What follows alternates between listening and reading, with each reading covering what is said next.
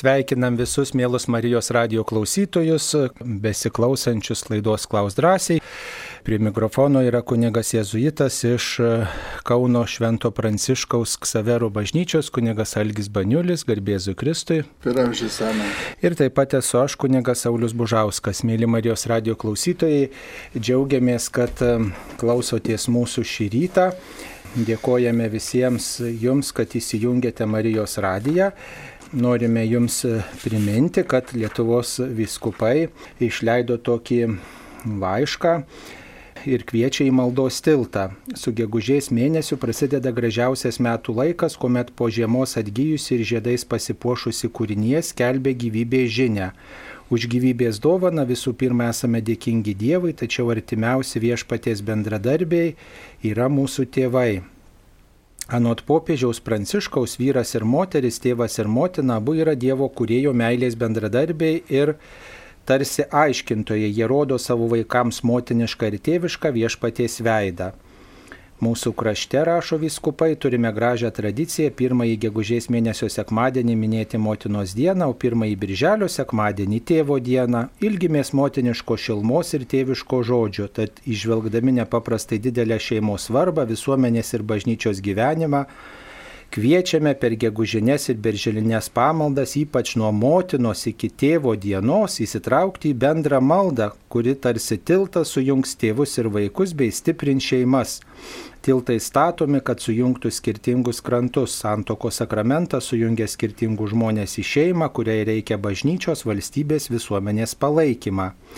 Atsiliepdami giliausius šeimos poreikius kviečiame dalyvauti gegužinėse bei birželinėse pamaldose, prašant švenčiausios mergelės Marijos užtarimo ir meldžiant švenčiausios Jėzaus širdies maloningumo. Niekas taip nesuvienė šeimos, kaip bendra jos narių malda, kuri yra didžiausias gėris šeimai. Viešpaties malonių sustiprintos mūsų šeimos tegul tampa bendrystės bei maldos vietomis, tikromis Evangelijos mokyklomis ir mažomis namų bažnyčiomis, pasirašo Lietuvos viskupai. Taigi rytoj jau e, švenčiame motinos dieną, sveikiname ypač tas mamas, kurių nepasveikins jų vaikai dėl įvairiausių priežasčių. Taigi kviečiame melstis ypač rožinio maldą ir šį vakarą 19 val. mes bandysime jungti su e, popiežiumi, su Roma popiežius vadovaus e, rožinio maldai, kaip tik tai už šeimas ir prašys mergelės Marijos užtarimo, ypatingai e, šiuo laikotarpiu, kad liautųsi pandemija ir kad žmonės tikrai galėtų padaryti tinkamas išvadas. Taigi kviečiame ypač 19 val. vienytis bendroje maldoje su mūsų popiežiumi Pranciškumi ir apskritai, kaip ir kviečia Lietuvos viskupai, nuo motinos dienos iki tėvo dienos ypatingai nešiotis savo savo maldų intencijose maldą už šeimą, kad ji būtų rimtų visuomenės ir valstybės pagrindų. Mums paskambino. Marius iš Šiaulių. Taip, Mario, klauskite. Gerbėsiai Kristai. Per amžius.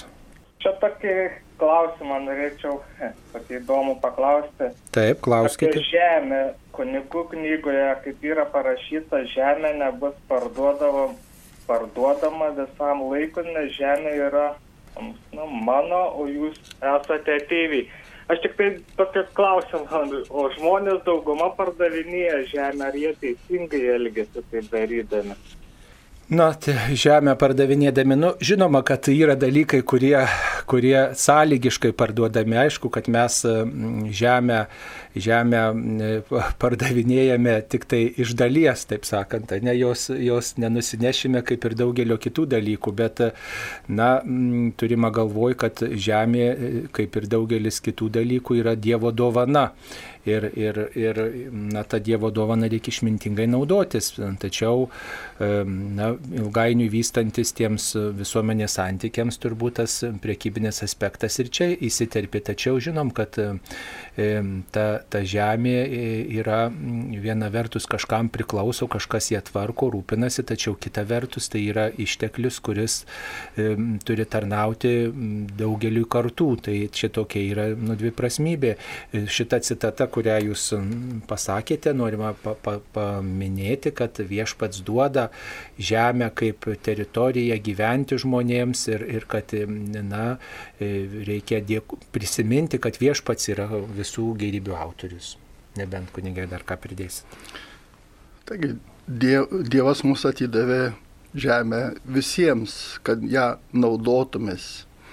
Ir tą nusavybės teisę mes ją naudojamės ir kad žemėje būtų tvarka, e, tam, tikrai, tam, tikra, tam tikras pasidalinimas tarp žmonių e, vyksta, kad ne, nebūtų piktumo, tai ir Senajame testamente, kaip jūs e, paminėjote, kad buvo sakoma neparduoti tos žemės, tai kiekvienoj tautoje arba valstybėje yra tam tikri statymai ir Dievas viskas, visa yra iš Dievo ir ta, kiekviena valdžia iš Dievo, todėl ir, ir kiekvienoje valstybėje yra nustatyti tam tikri statymai, pagal kuriuos tą žemę mes galime naudotis ir ją parduoti, jeigu tai yra nusavybė šiuo metu manos, nors iš tikrųjų viskas yra Dievo ir mes esame Dievo. Taigi tą žemę galime iš tikrųjų naudotis ir tai nebus nuodėmė tą žemę pirkti ar parduoti. Taip, ačiū. Dar vienas klausimas, ką galime pasakyti apie Gardel knygą, jo, Jonas Gardel, e, Jono Gardel knygą apie Jėzų leidikla gimtasis žodis, ar jį priimtina katalikams. E, autorius Gardel knyga apie Jėzų yra teologijos daktaras, šio laikinis švedų rašytojas ir jis tą knygą skiria ne tik tiems, kurie yra tikintis, bet ir tiems, kurie neskaitė Evangelijų, bando gilintis į istorinius Jėzaus žodžius ir ir tiesiog atskirti, kurie, kurie žodžiai yra taip pat jau na, priskiriami tik tai Jėzui ir remiasi jo autoritetu. E, tai aišku, kad galima ją skaityti ir ten, kiek bendrai taip teko girdėti, nėra kažko, kas labai būtų priešiška mūsų krikščioniškam tikėjimui, tačiau reikia visada prisiminti, E, kad e, bet kokių teologų knygos ir, ir e, nėra tas oficialusis bažnyčios mokymas, ar ne, ir galima susipažinti, tačiau visada reikia prieš akis turėti ir tai, kas išdėstyta katalikų bažnyčios katekizme, ko moko oficialioji bažnyčia. Ir kad įvairūs teologai jie gali interpretuoti ir lais, laisviau pasižiūrėti tiesiog į daugelį dalykų, tai yra būdas pristatyti įvykius, būdas pristatyti šventą raštą, istorinės asmenybės minima šventame rašte ir ypač Jėzų ir jį, ir jį pristatyti įvairiais aspektais. Taigi tų knygų apie viešpatį Jėzų yra daugybė ir visas jas skaityti reikia, sakyčiau, kritiškų žvilgsnių, nepriimti už gryną pinigą, nes e, mūsų tikėjimo pagrindą sudaro katalikų bažnyčios katekizme išdėstytos tikėjimo tiesos, jų labiausiai esame kviečiami laikytis ir atsakingi už tą laikymasi. O visa kita literatūra yra tik tai paaiškinanti, mūsų skatinanti ir vaizduotę, ir žadinti žadinanti atmintį, kai kada remiasi istoriniais faktais, bet dažniausiai laisvai juos interpretuoja. Šita, šita knyga nėra patvirtinta bažnytinės vyresnybės kaip tokia nu, knyga, kuri jau visiškai atitinka ir paaiškina bažnyčios mokymą. Tai tiesiog leidyklos išleista, bet ten nėra nieko, kas labai prieštarautų tikėjimui. Taip trumpai atsakytume. Taip, kviečia pakomentuoti mus Švento Pijaus rožinį. Kunigė, gal jūs esat susidūrę su Švento Pijaus rožiniu.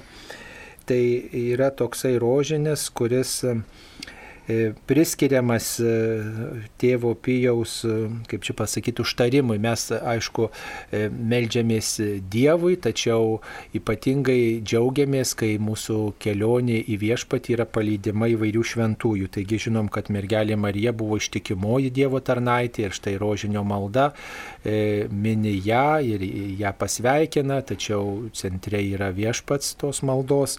Ir šitą maldą labai vertino tėvas Pijus, taip jis ją vertino vertino, kad tiesiog praplėtė tą rožinį e, įvairiais tokiais e, mąstymais e, ir papildomomis maldomis. Tai, žodžiu,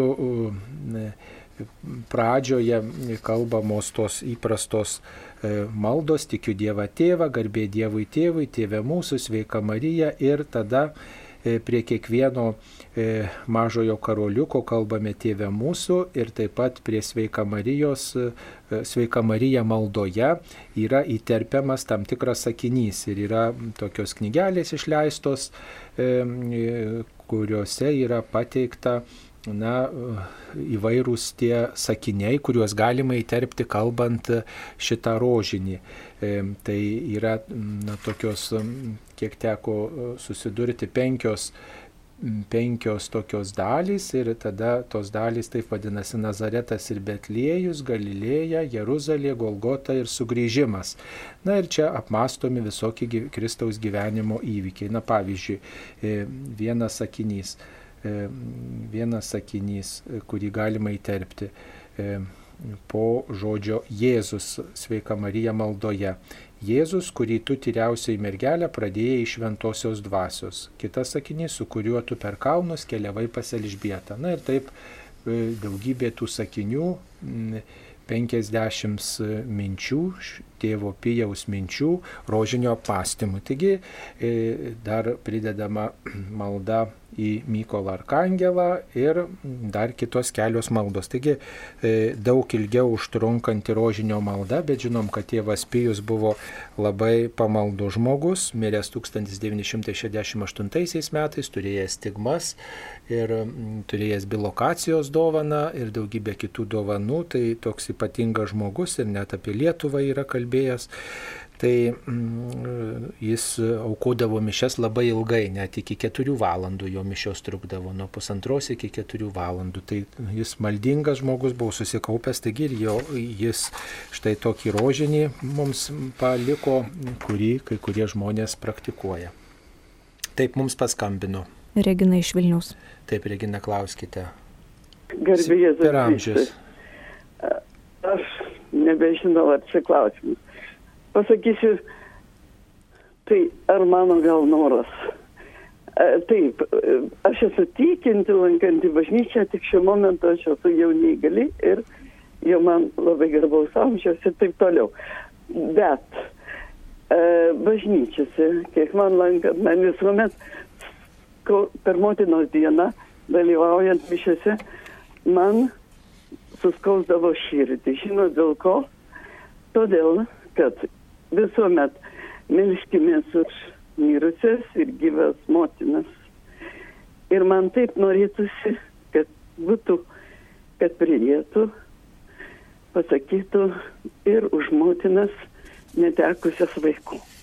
Nes didžia, aš žinau, kas yra aš ar esu dar motina ar ne, jeigu aš palaidojau vienintelį vaiką ir manęs jau absoliučiai niekas, na, nei dėlytės, todėl kad ašgi nebeturiu vaikų. Mano vienintelė pagoda eiti prie savo vaiko kapo.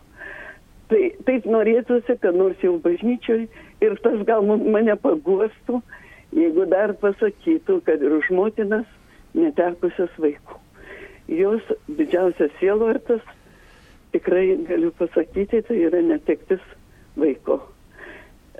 Tik tiek, tik tiek labai atsiprašau, nes aš to laiku labai atsijaudinu, jau praėjo daug metų, bet aš tikrai tą dieną man būna pati liūdniausia, vien dėl to, kad manęs jau aš nebe motina. Ar aš esu dar motina ar ne, kad mano vaikas įėjo amžinybę. Taip aš die, ne Dievui pretenzijos. Dieve, nesupraskite mes klaidingai. Labai ačiū, kad išklausėt. Pane Regina, jūs kadangi pagimdėte, kiek aš supratau, ar, ar, ar tas kūdikis mirė dar negimęs. Jeigu jūs jį pagimdėte, jūs esate motina.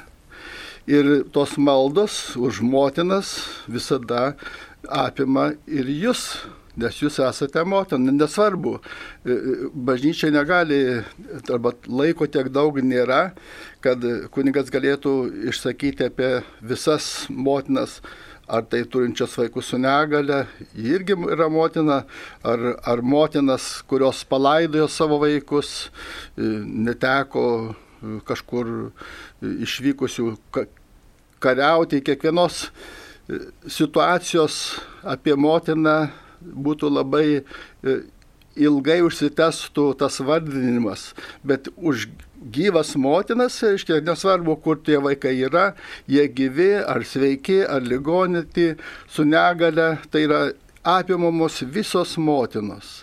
Tai reiškia, jūs esate, už jūs taip pat yra melžiamasi, kaip ir už visas kitas motinas, kurios turi gyvus vaikus. Tai jums skaudu, kad jūsų vaikas yra jau palaidotas. Tai, tai čia už juos melžiamasi kitų kartų visų šventųjų dienoje arba vėlinėse ar, ar, ar kitų laikų, kada kas nori ir, ir prašo arba melžiasi pats asmeniškai.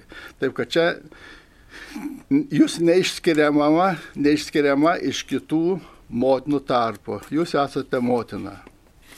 Nu ir ypatingai jums turėtų būti artima mergelė Marija, kuri e, taip pat matė savo sunaus mirtį ir, ir reiškia, ir tą sūnų e, matė, kaip jis buvo laidojamas, stovėjo prie jo kapo, taigi ypatingai tokį pamaldumą puoselėkite mergeliai Marijai, o bažnyčia tai visada meldžiasi už jūs ir, ir laimindama gyvasias motinas, laimina ypatingai ir jūs ir ypač tas motinas, kurios susiduria su įvairiausiais iššūkiais, kaip ir mes šiandien, e, jeigu atkreipėte dėmesį, sveikinome laidos pradžioje ypač tas motinas, kurių vaikai nepasveikins. Tai tikrai melžiamės už jūs, mielosios, ir, ir, ir sveikiname jūs su motinystės dovana. Motina yra ne tik tai ta, kuri pagimdė vaikus, ne tik ta, kuri užaugino vaikus, bet ir ta, kuri gal ir niekada nesulaukė vaikų, bet kitus palydė, moko, globoja, saugo. Taigi motinystės dovana, kaip ir tėvystės dovana, mes visi išgyvename labai skirtingai. Mums paskambino. Dalė iš Kauno. Per amžius. Čia dalė iš Kauno. Taip, malonu dalė, klauskite. Mane labai nuliūdino Lietuvos viskupų konferencijos intervatinis pranešimas, kad viskupai dalyvauti didžiajame šeimos gynimo marše neketina. Ar jį remia ar nepritarė jokių komentarų, tik parašė, kad maldomis remia šeimą. Nacionalinis susivienijimas paskelbė pareiškimą, kuriuo išreiškė paramą maršui, išdėstė argumentus, kodėl nedalyvaus kaip partija. Kodėl esant tokiai rimtai situacijai, bažnyčia atsiriboja nuo maršo. Kuo netinkama jai šita forma? Tiesiog nebenoriu eiti į bažnyčią, pasidarė labai liūdna, puoliau tiesiog į depresiją. Ateina tokia mintis, kuri buvo išsakyta per jūsų radiją e, visko pakaunecko, Karlo Barto kai užuot sukilęs prieš pasaulio netvarką sudedi maldą į rankas, tai nėra malda, tai tik bėgimas nuo veikimo. Nuprašyčiau paaiškinimo ir nuraminimo, žinot, negaliu atsigauti. Nu, matot, nuo tikėjimo tikrai nuo bažnyčios lankymo ne, neatsitraukite, nes e, tuo tik tai nudžiuginsite piktąjį ir dar labiau savytą susipriešinimą didinsite. Na, tiesiog išreiškia tokią poziciją, nes nenori e, tiesiog, kad būtų, tiesiog tikriausiai reiktų viskupų klausti, kodėl jie tokią, e, tokį raštą parašė. Tikriausiai ne, ne, ten ir tam laiške parašyta turbūt keletas minčių, į kurias galima atkreipti dėmesį. E, na, žinot, tokių manipulacijų tikriausiai viskupai nenori, reiškia, kad būtų manipuliuojama, kad dar maišoma su kokiais kitais dalykais, tai galima taip suprasti. E, šiaip tai bažnyčia visada gynė šeimą ir, ir gina šeimą, o žinot, tie, tie, tie žygiai, jie, jie yra, nu, viena vertus ir, ir, ir nu, gal ir geri, bet ir kita vertus, žinot, šiuo pandemijos laikotarpiu irgi, irgi daug visokių klausimų iškyla. Ir Ir, na, tikriausiai reikia ne tik tai maršais, ne tik tai mitingais, ne tik tai streikais, ne tik tai tokių pasisakymų garsių, bet ir įstatymais mums apginti šeimą ir, ir, ir, ir, ir tiesiog tokį kelią rinktis. Tai, nu, aš sakyčiau, nepasiduokime mes kažkokiam tokiam pykčiui, priešiškumui, pasakė, pasakė, jeigu jūs norite, tai, tai jūs elkitės taip, kaip jums sąžinė sako, o, o, o, o, o piktintis tikrai labai, labai nereikėtų pareiškė savo poziciją, bet kita vertus žinom, kad bažnyčia visada gynė, gina ir gin šeimą. Visada gynė, gina ir gin šeimą. Ir, ir, ir, ir šeimų pastoracijoje šeima rūpinamasi, šeima palydima, įvairūs kritiniai atvejai palydimi ir, ir, ir sužadėtiniai atsakingai ruošiami šeimai ir tikrai bažnyčia meldžiasi už šeimą ir rūpinasi tą šeimą, o kad nedalyvaus maršė, tai čia nereiškia, kad, kad jau čia viskas jau bažnyčia nusigrėžė nuo šeimos. Tiesiog vengiama kažkokių manipulacijų, kažkokių tokių vat, sumaišymų įvairių sričių dalykų ir, ir tiek. Tai taip jiems pasirodė tinkama, jų reikia ir klausti į viskupų konferenciją, kreipkitės, kad gilesnę poziciją mes galėtume žinoti. O, o, o šiaip tai, man atrodo, čia labai paprasta yra, gyvenkim taip, kaip mums kviečia sąžinė. Jeigu dar galima keletą žodžių kaip aš galvoju, ką tik tai pradžioje šios laidos e, e, buvo perskaitytas viskupų kreipimasis į tikinčiuosius ir tas laiškas kviečiama, kad būtų perskaitytas ir bažnyčiose arba bent jau paskelbta. E, viskupai kviečia melstis už šeimą. Iškia, tai yra ta pati intencija dvasiniu būdu palaikyti šeimą, melstis, ypač motinos dienoje ir šiuo, šiuo laikotarpiu, reiškia, visą, visą mėnesį ir artėja birželio pirmas sekmadienis tėvo diena, kaip tik tai yra kviečiama melstis už vyrą, moterį, tai yra už šeimą, kurie gimsta vaikai. Tai viskupų konferencija tarsi atkreipia dėmesį į šeimą ir dalyvauja gal kitokiu būdu, burdama žmonės maldai.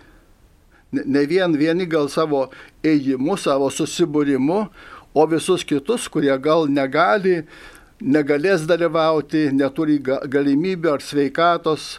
E, melstis visada galima ir, ir lovai gulint, todėl aš matau, kad čia bažnyčia pilnai palaiko šitą šeimos maršą e, už šeimą ir kviečia dvasiškai palaikyti šeimą ir yra už šeimą. Taip, ar priimant ostiją į rankas patariama galvą pakelti, e, žiūrėti ją, kai kunigas pakelia aukštyn. Taip, patariama žiūrėti į ostiją ir tiesiog žiūrėti, kur kunigas e, padeda ostiją ant delno ir atsargiai ją priimti. E, taip, ar katalikai gali melstis piktasias dvasias surišančiomis maldomis. Yra maldos, pavyzdžiui, Mykolo Arkangelą, kurias galima melstis katalikui, yra maldos kitos, kurias taip pat galima melstis, tačiau, pavyzdžiui, didįjį egzorcizmą nereikėtų melstis žmogui, kuris neturi tam įgaliojimo. Tai čia tiesiog reikia labai pasverti tokias įvairias aplinkybės ir žinoti, kad piktasi, piktasis gali ir patį žmogų pulti, kai, kai jisai be leidimo, be, be įgaliojimo štai atlieka, imasi tam tikrų praktikų. 90 metų žmogus labai prašo, kad padėčiau jam susidėlioti mintis ir jas užrašyti, ruošiantis išpažinčiai namuose, bijo, ką nors pamirš ir neišpažins, kai ateis kunigas. Ar galima padėti, juk taip kišuosi išpažinties paslapti. Iš tiesų e, išpažinti, reikia išpažinti tas nuodėmes, kurias atsiminame. Ir kadangi yra pareiga išpažinti pirmiausia sunkes nuodėmes. Ir aš tikiu, kad tas žmogus, kuris jau guli ir tikriausiai sunkių nuodėmų neturi, o tų lengvų, kasdieninių nebūtina jas visas išpažinti, bet reikia, būtina už jas visas gailėtis. Todėl ten,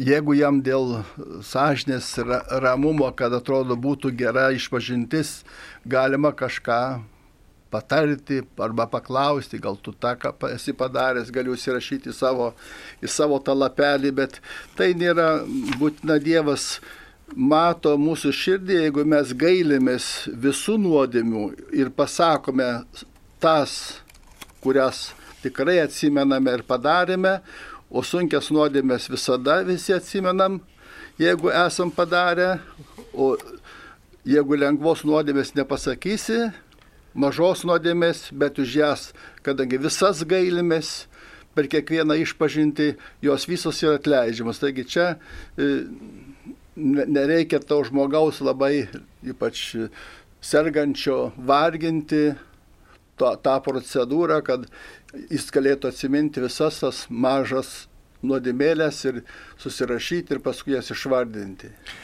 Reikėtų apie tai pasikalbėti su kunigu ir tiesiog žmogų pirmiausiai nuraminti, kad gali tą padaryti kunigas, tikrai kunigas tą padaro, e, padeda žmogui ruoštis ir jeigu tikrai numatysit laiką ir tikrai kunigas turės šiek tiek laiko, e, padės žmogui pasiruošti ir, ir atlikti tą išpažinti, tik reikia su kunigu apie tai pasikalbėti truputėlį iš anksčiau, kad, reiškia, žmogus vyresnis nelabai atsimena kunigė, ar galėsit jam padėti, reiškia, ir pasiruošti išpažinti, tiesiog paklausinėsit iš įvairių sričių ar panašiai. Tai, tai va, taip, o ir tada bus tas diskretiškumas išlaikytas. Kartais sakoma, kad žmogus serga sielos lyga, o kartais sakoma dvasinė lyga. Ar tai tas pats, tik skirtingai pavadinta, o jei yra skirtumas tarp jų, tai koks? Na, jeigu sakysim, kad siela tai daugiau tai, kas susiję su mūsų psichologija, tai yra viena, o jei e, sakome, kad dvasia tai yra Dievo įkvėptas alsavimas žmoguje, tai va tokia ta skirtis gali būti. Tačiau dažniausiai ir sielos lygos, ir dvasios lygos jos laikomos sinonimais, e, nes yra daug tokių bendrų dalykų bendrų dalykų tarp jų, mm, tačiau tokia griežtąją prasme turbūt dvasios lygos tai yra na, mūsų didžiosios nuodėmės ir tas įsisenėjimas tų nuodėmių, tas nuolatinis praktikavimas, tam, tikra, tam tikras gilus įklimpimas e, į tas dvasinės, e, tuos dvasinius klystkelius ir, ir stokojimas darybių. Tai štai yra pačios e, didžiausios tos dvasios lygos. O psichologinė prasme tai yra na, kiti dalykai, yra ir, ir, ir baimės, ir depresijos, ir nerimas, ir, ir, ir visi kiti dalykai, kuriuos gydo psichologai, psichoterapeutai, tačiau tai dažnai susiję ir mūsų, mūsų dvasiniu, su mūsų dvasia, su mūsų santykiais ir su kitais ir su Dievu, tai tas skirstimas toks yra labai sąlyginis. Taip. Kada maždaug atsirado šventos mišios? Ir dar vienas klausimas, kai išpažįstame savo tikėjimą, ar būtina tuos tris kartus belsti link krūtinės. Na, šventos mišios atsirado paskutinės vakarienės metu, nes e, yra paskutinės vakarienės metu, kai Jėzus paėmė duoną, e, sukalbėjo padėkos maldą, laužė davė savo mokiniams, e, tai yra tie pagrindiniai e, ženklai išlaikyti ir iki dabar šventose mišiuose, taigi nuo tų laikų e, tiesiog truputį keičiantis palaipsniui toms apieigom šventos mišios yra aukojamos nuo paskutinės vakarienės laikų. E, aišku, tos pirmosios mišios yra paštalų laikų ir, ir pirmųjų amžių mišios ir, ir ankstesnių laikų ir dabartinės mišios jos skiriasi ir kalba, ir, ir gestais tikriausiai ir visa ta liturgija, tačiau ta, tie patys elementai išlieka. Dievo žodžio skaitimas, dėkojimas, prisiminimas Dievo darbų ir duonos laužimas, dalinimasis, prieimimas viešpaties kuris ten pasilieka ir svarbiausia e, yra sudabartinami tie Jėzaus žodžiai - imkite ir valgykite, imkite ir gerkite. Taip, kai išpažįstame savo tikėjimą. Na, kai tikėjimą išpažįstame, tai nereikia mm, belsti krūtinės link, nereikia mm, muštis į krūtinę. Tikėjimą išpažįstant, tai yra tik tai tokia tradicija, kalbant apie mm, tai, kad Jėzus E, priėmė kūną iš mergelės Marijos, tada nu, nu, nulenkiama galva.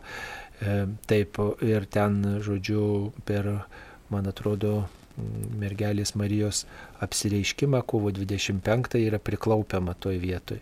E, tai va, o į krūtinę mušamės tuo met, kai kalbam prisipažįstų maldą. Tai atgailos malda, kuri e, e, išreiškia mūsų gailestį dėl nuodėmių. Ir tas mušimas į krūtinę labai sena peiga išreiškia atgailą e, išoriniu būdu ir kartu sujungia su mūsų vidinė laikysena. Tai yra mūsų sugrūdusio širdies toksai žadinimas. Jeigu mes sakytume, mūsų širdis yra tokia sokmenėjų susidarius, tai, tai, tai, tai to išoriniu gestu mes tarsi žadinam ją, beldžiam, kad e, širdį atsiverk, priimk Dievo gerumą, kurį jis tau dovanoja. E, taip, popiežiaus malda gegužės mėnesiui. Popiežiaus malda gegužės mėnesiui yra apie finansus. E, tai tiesiog popiežius yra susirūpinęs, kad finansai būtų atsakingai tvarkomi įvairiausiose srityse. Žinot, finansai yra didelis, didelė pagunda. Ta malda skamba taip. Melskimės, kad atsakingiai už finansus bendradarbiautų su vyriausybėmis, reglamentuojant finansų sritį ir apsaugotų piliečius nuo jų pavojų, nuo jos pavojų. Tai taigi svarbu, kad nebūtų piknaudžiavimų, kitaip sakant, kas prieina prie finansų tvarkymo, E, ypač tų didelių finansų, svarbių finansų, e, prie tų išteklių tvarkymo, kad e, vis dėlto atsižvelgtų į valstybių įstatymus ir, ir nebūtų kažkokių tvarkymų, finansų tvarkymų be be sažiningumo ir be na, neatsižvelgimo į įstatymus. Ir kad na, tiesiog nuo to godumo pavojaus, nuo to piknaudžiavimo pavojaus, na, žmonės būtų apsaugoti ir galėtų laikytis įstatymų. Nu, matot, paprastas dalykas, nevoko, ne, jeigu žmonės laikytųsi šitos taisyklės, tai tada nereikėtų e, visokių įstatymų, po įstatyminių aktų, reglamentavimo, bet žmonės nesilaiko šito ir tada na tada yra ir kontrolės mechanizmai, ir tam tikri, reiškia, visokiai sugalvoti įstatymai, tikrinimai, na, kurie neleidžia vokti. Va, tai taip yra.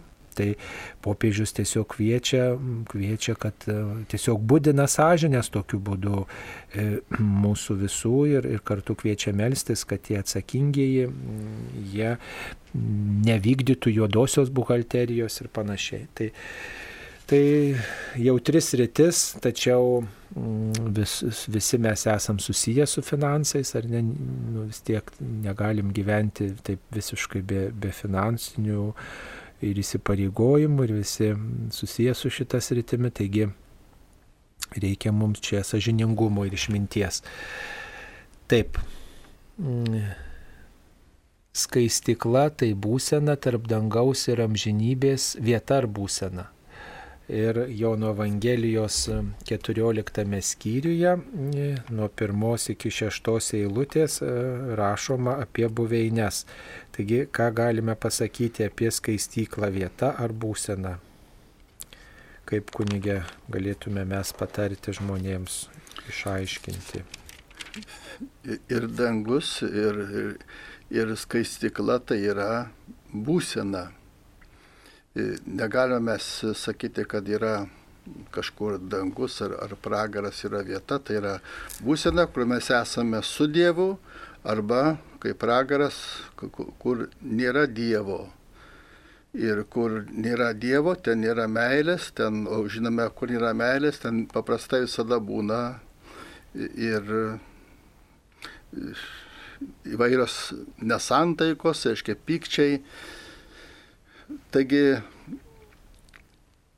aš, aš tai galvoju, kiek, kiek, kiek žinau iš, iš, iš, iš, iš, iš studijų, kad iškia, tai yra būsena, kur mes esame arba laimingi, būdami su Dievu, ir tos vietos niekas nesistengia nustatinėti, kur jį randasi, ar į tenai kažkur kokioj nors planetoje bet tai yra tiesiog buvimas su Dievu arba skaistikla, tai kur, kur yra pasiruošimas, pasiruošimas tam džiaugsmui, bet reikia praeiti tam tikrą laukimą, kaip e, gražiai yra ir dabartinis e, popiežius parašęs apie e, paskutiniuosius dalykus. Jis kalba,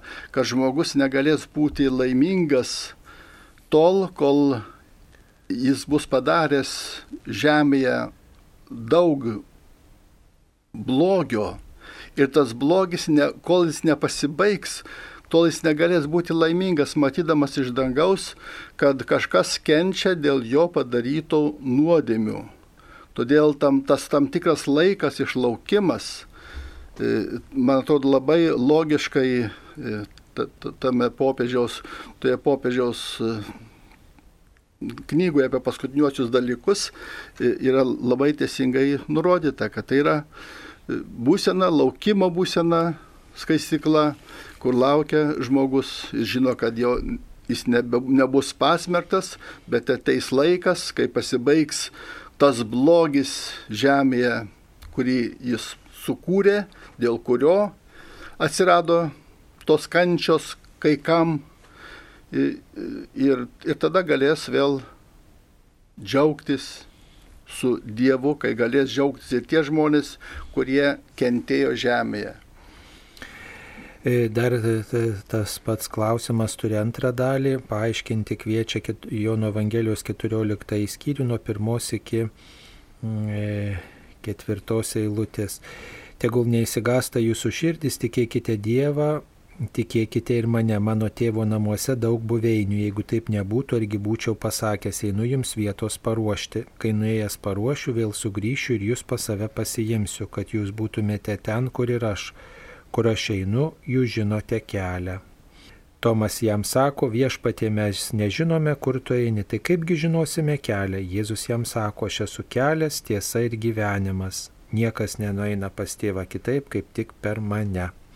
Taigi apie tas buveines, na, žmonėms turbūt vis knieti sužinoti vietą ar būseną vis tiek, reiškia, jeigu buveinė, tai vadinasi vieta, jeigu pasakė vietos paruošti, tai vieta ne būsena. Bet Nu, matot, apie dangiškus dalykus kalbėti yra labai keblu, nes mes ne vienas nebuvom dangui ir mm, mūsų kalba turbūt yra ribota tam, kad galėtų išreikšti išreikšti tas patirtis, kurias mes ten patirsime. Ir Jėzus turbūt į tai atsižvelgdamas, jisai, na, va, ir kalba mm, to, tokiais įvaizdžiais buveiniais, vietos paruošti, nueisiu, sugrįšiu. Mes visi laukiame Jėzaus sugrįžimo, susitikimo su juo laikų pabaigoje.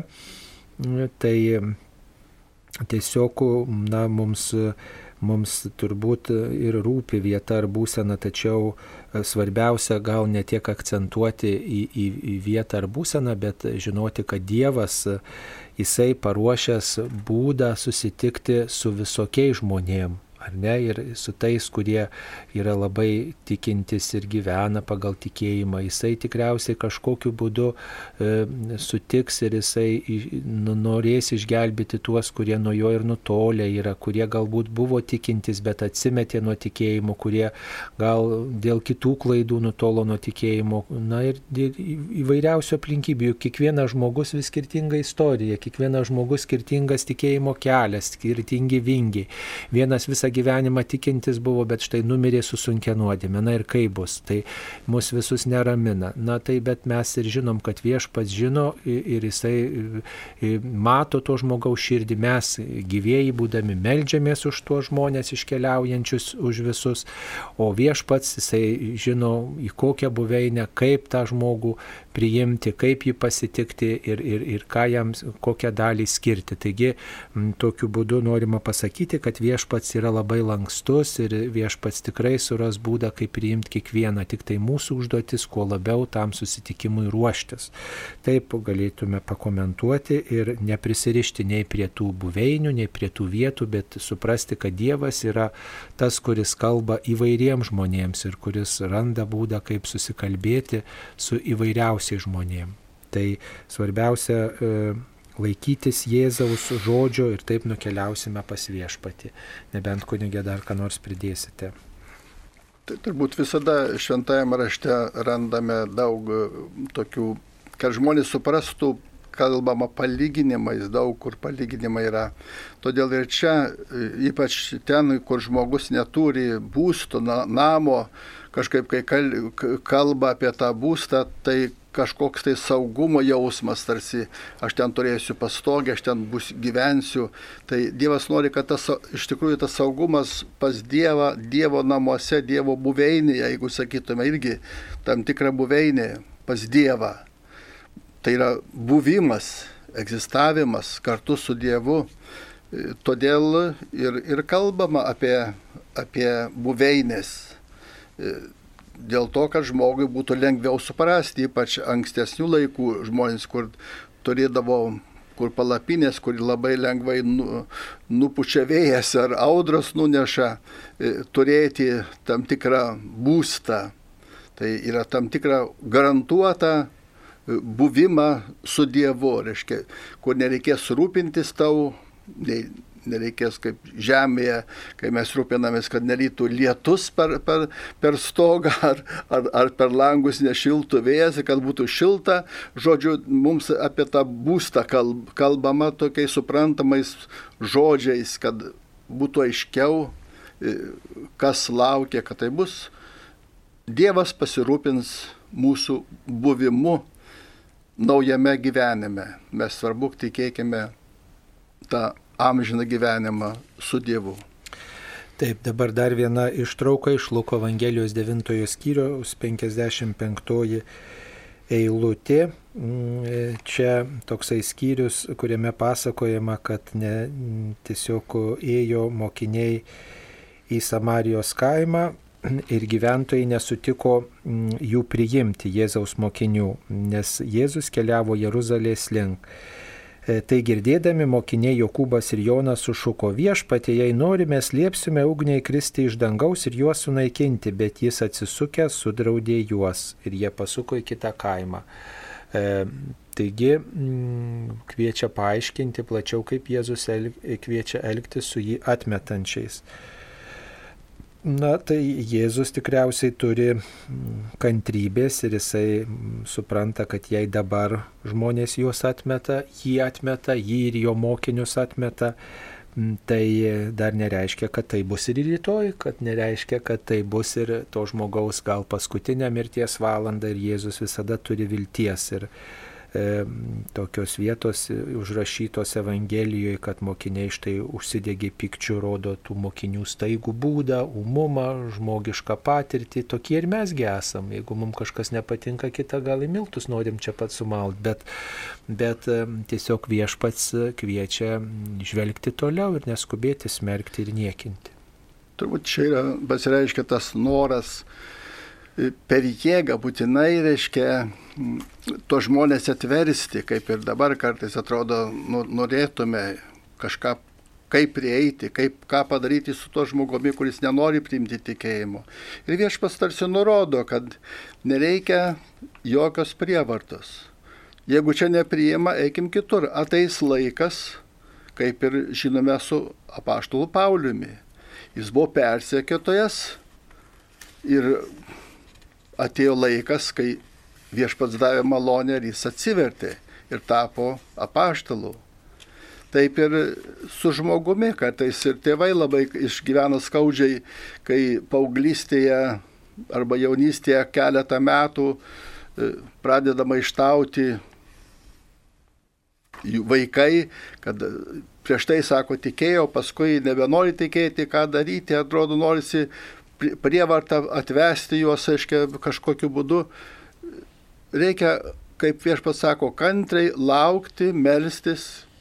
Ir Augustino motinos Monikos pavyzdys, reikia melstis ir kantriai prašyti Dievo, kol ateis malonė ir palies, išgydys tą žmogų ir žmogus supras, kad jam reikia Dievo.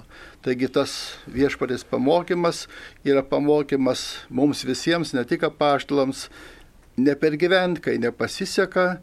Ir žinome e, pavyzdžių iš misijų kraštų, kur misionierius visą gyvenimą dirbo ir nerado, atrodo, niekas neatsivertė, nebuvo ne vieno krikšto, o kai jis mirė, atvažiavo kitas ir jis buvo jau tokį gerą įdirbį padaręs, tokį gražų pavyzdį palikęs savo gyvenimu, kad žmonės toje gyvenvietėje prašėsi apsikrikštyti. Tai tas to darbo vaisių nematė iš karto šis misionierius. Taip ir kartais gal, galėjo jis irgi užpykti, išvažiuoti, čia niekas ne, nesiverčia, niekas nenori to tikėjimo, važiuosiu kur kitur, neskubėti.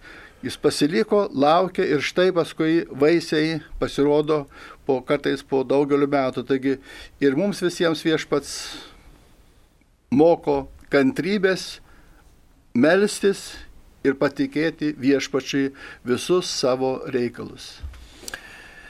Dar vienas klausimas, prašo paaiškinti, kas yra tretininkai, kokios yra tretininkų pareigos. Šiaip jau tretininkai rašosi, rašome su E raide.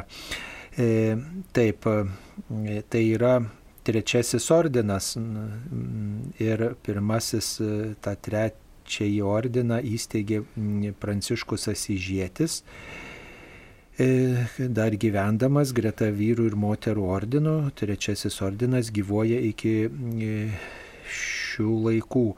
Ir mm, turėjo trečiąjį ordiną visos pranciškonų atšakos, tačiau ir kitos vienuolijos taip pat turi pasauliečių mm, ordiną, E, tai yra, galima sakyti, tokius, taip populiariai kalbant, draugus e, pasauliečius, kurie neduoda įžadų, bet laikosi tam tikros tvarkos, kurią nustato dažniausiai viena ar kita vienuolyje. Šiuo atveju pranciškonai yra tam tikra regula patvirtinta, kurios laikosi. Kažkada tretininkai netgi ir savo rūbus turėjo, ir savo vėliavas turėjo, ir e, dalyvauja tam tikrose rekolekcijose, formacijos dienose, e, bendradarbiauja su vienolyjomis ir na, gyvena to tame dvasingume, domisi to dvasingumo plėtra ir, ir populiarinimu. E, tai turbūt yra prie visų vienolyjų ir turbūt jezuitai taip pat turi, tik tai nevadina tretininkais. Taip, jezuitai irgi turi panašų, panašią instituciją, tai yra krikščioniškų gyvenimų bendruomenė, kurie irgi yra tam, tikri, tam tikras kelias, kol tampama juo, žmogus turi apsisprendimo galimybę, būna, vyksta rekolekcijos Ir pagaliau visi bendradarbiai, kurie dirba, pažiūrėjau, jezuitų gimnazijose ar padeda vienoje ar kitoje srityje, jie per tam tikrą laiką, reiškia, tampa tarsi bendruomenė jezuitų pasauliečių bendruomenė. Tai yra pasauliečių bendruomenė, kuri yra labai artima ir seka arba Ignaco dvasingumu ir tokiu būdu tampa tuo sakytume, kaip pranciškonų trečiojo ordino, taip čia jezuitų bičiuliais, bendradarbiais ir, sakytume, tretininkais. Taip, tik tai čia ties tretininkas dažniausiai susijęs su pranciškonais, Taip. kitos bendruomenės vadina e, kitaip. kitaip. Ten pavyzdžiui, jonitai oblatais vadina, e, kiti draugais vienolyjos vadina, na ir labai įvairiai. O čia va, štai bendruomenė jezuitų draugai vadinami, krikščioniško gyvenimo bendruomenė ir panašiai. Taip, mums paskambino. Danutė iš druskininkų. Taip, Danutė, klauskite. Labai malonu, Kristus prisikėlė. Iš tiesų prisikėlė.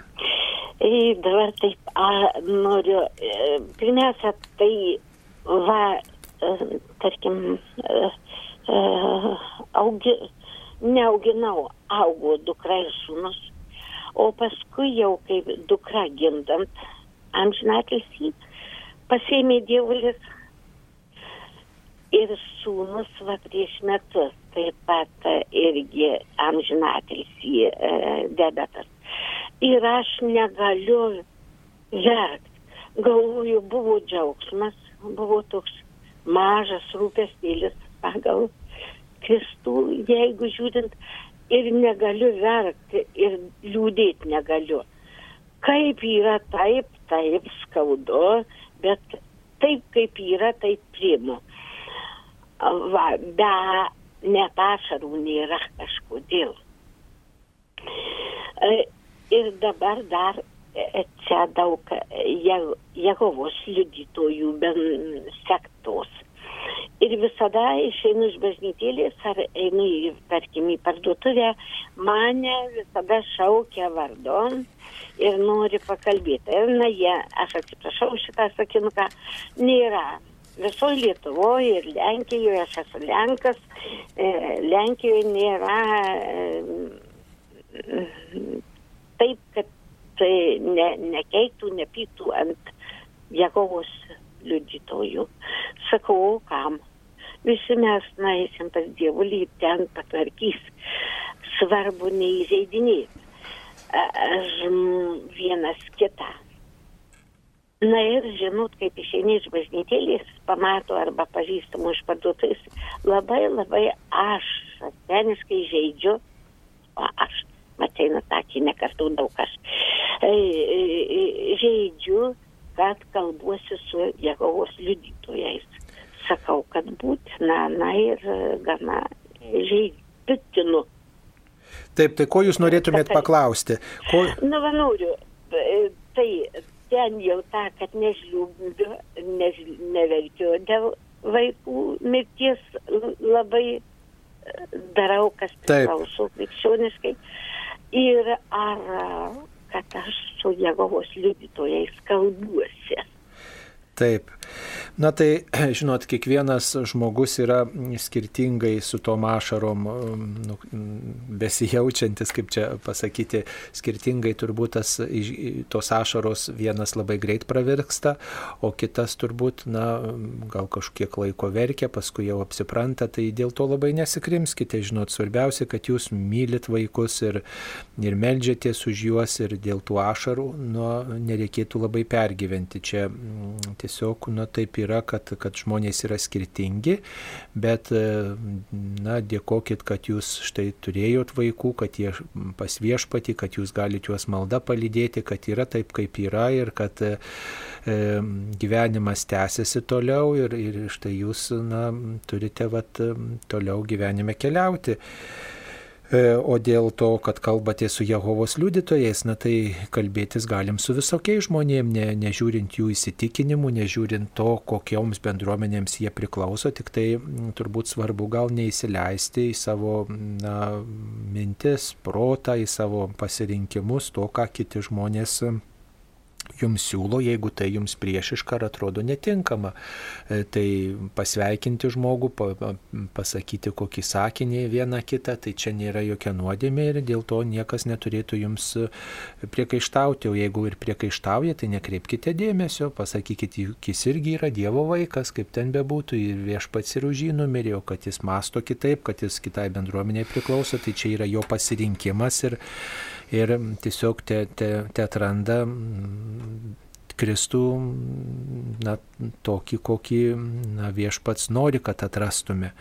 Ir, ir te atranda jo bažnyčią. Tai, tai taip, nežinau, ką pridėtumėt. Tai aš irgi sakyčiau, kad čia nėra blogai, kad, kad reiškia, jūs nesikankinat ir ne, neverkėt pastoviai, nes tikinti žmogus tai tiki, kad yra amžinas gyvenimas, nesibaigiantis gyvenimas. Ir jūs, aš tikiu, kad ir jūs tikite, kad tie jūsų vaikai ir, ir iškia, jie gyvena amžinybėje ir kaip šventam rašte parašyta, kuo akis neregėjo, ausis negirdėjo, ką žmogui iširdinėjo, Dievas paruošė tiems, kurie jį myli.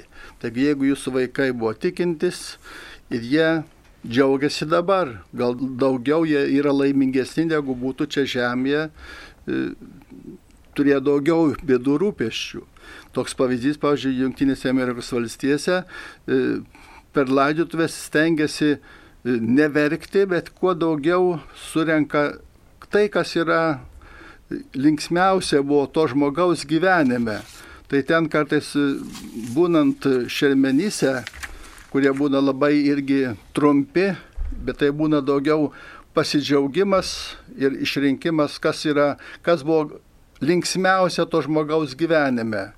Tai žmonės kartais iš juoko raitosi ant, beveik ant žemės iš, to, iš tų prisiminimų gražių, reiškia, nori palidėti į naują gyvenimą, reiškia, nebeprisiminti, kad, kad čia sunku, bet, reiškia, galvoja apie naują gyvenimą dangaus karalystėje ir palydė, prisimindami, ką džiugau žmogus išgyveno čia žemėje būdamas.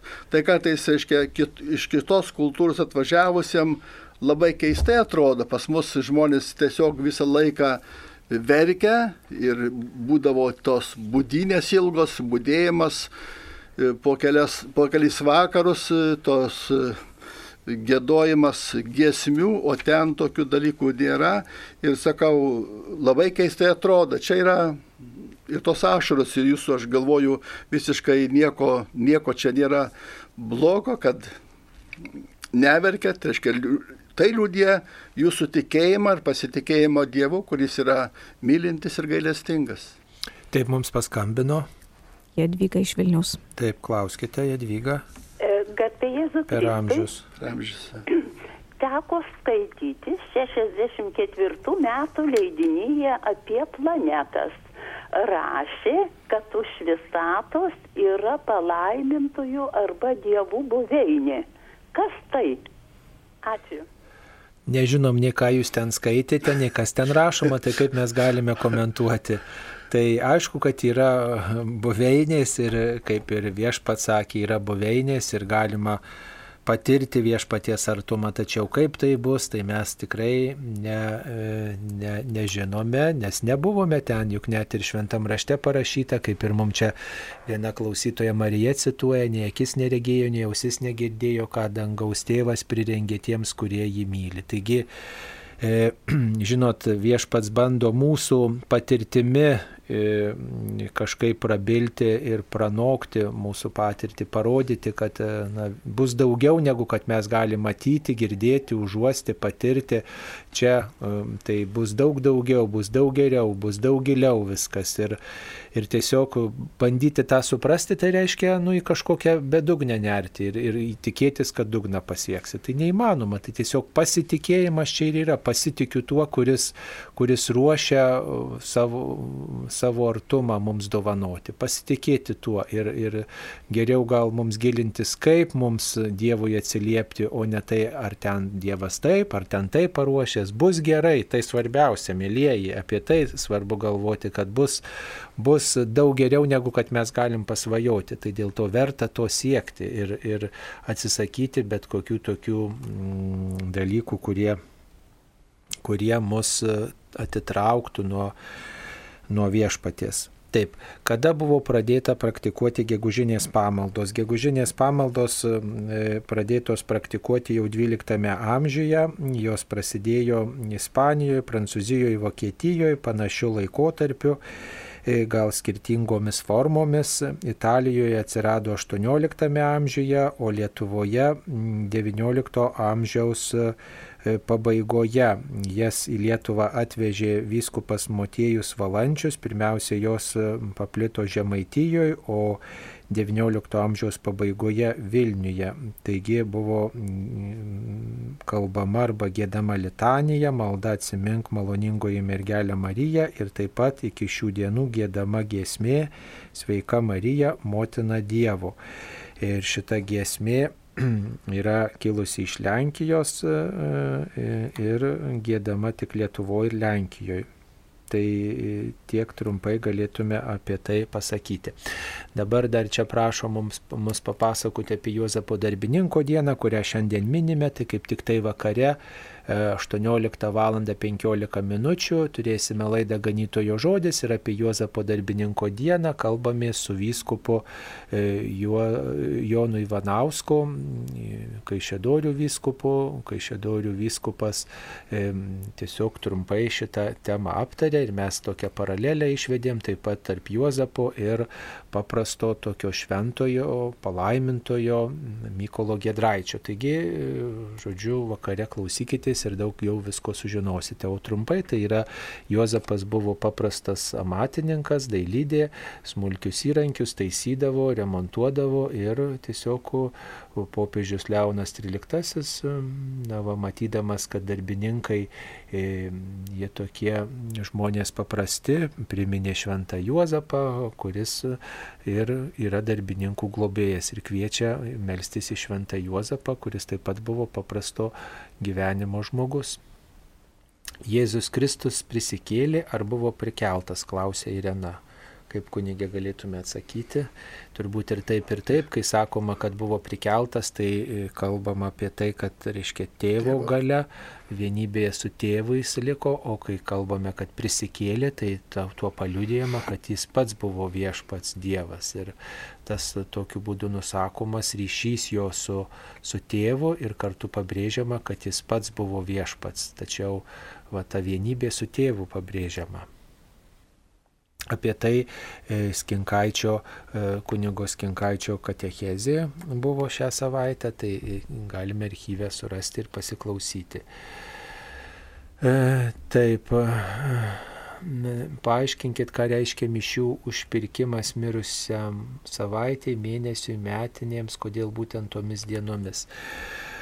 Na, e, kodėl būtent tomis dienomis? Dėl to, kad e, tomis dienomis būdavo pagerbiami mirusieji ne tik tai krikščionių, bet ir, ir, ir, ir pagonių. Ir, e, ir tada tiesiog na, tai inkultūruota ta tradicija ir ypač mūsų kraštuose ta tradicija tiesiog persmelkta, kad e, mirusius pagerbėme ne būtent kokiom kitom apieigom, bet melzdamiesi už juos. E, ir e, tai tiesiog na, mums tampa tokia tra, papročių tradicija išreikšti savo krikščionišką tikėjimą, patiems pasistiprinti Dievu ir kartu palydėti mūsų mirusius. Tai, e, tai dažnai tas žmonių krikščioniškas tikėjimas tik ir laikosi pamaldumu užmirusius. Kitaip gal žmogus neperžengtų bažnyčios lenkščio, bet kai yra melžiamasi už jo mirusius artimuosius, bet kokią progą jisai tą mielai daro, aplanko bažnyčią. Taigi matom, kad e, čia toks pastoracinis aspektas yra tame mirusiųjų minėjime, kad tai yra proga gyviesiems pagerbti mūsų mirusius artimuosius ir proga patiems prisiliesti prie Dievo žodžio, priimti šventą komuniją. Va, tai e, būtų toks aspektas, kurį dera prisiminti ir, ir kuris, na, kartais galbūt e, nu, yra tiesiog pamirštamas. Tačiau reikia būti tokiems sąžiningiems ir pasakyti, kad mes neteinam dažnai į bažnyčią tik dėl viešpaties, bet ateinam dėl to, kad mums blogai, arba dėl to, kad mūsų artimiesiems blogai, arba kad norime melstis užmirusius.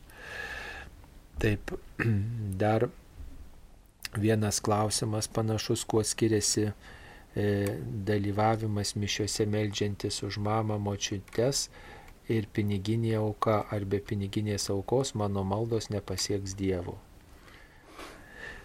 pasieks Dievą jūsų maldos, tačiau mes aukodami tiesiog auką, mes prisidedam prie bažnyčios išlaikymo, o užsakydami mišes mes prisidedam prie kunigo išlaikymo. Ir e, tiesiog taip yra, kad bažnyčioje mums apeigas padeda atlikti, išgyventi, pašventinti tarnai. Tiesiog nuo apaštalų laikų ta tradicija gyvuoja, nuo seniausių laikų, kad e, mes daliname savo ištekliais su tais, kurie e, paskirti altoriaus tarnybai. Ir jeigu norime, kad e, tikrai mūsų bendruomenė gyvuotų, jeigu norime, kad kad tiesiog na, kunigas dalyvautų bažnytiniam gyvenime, o ne kokiam kitam darbė dirbtų, tai mes ir, e, taip sakant, auką paremėme jį. Tai čia paprastas dalykas, o e,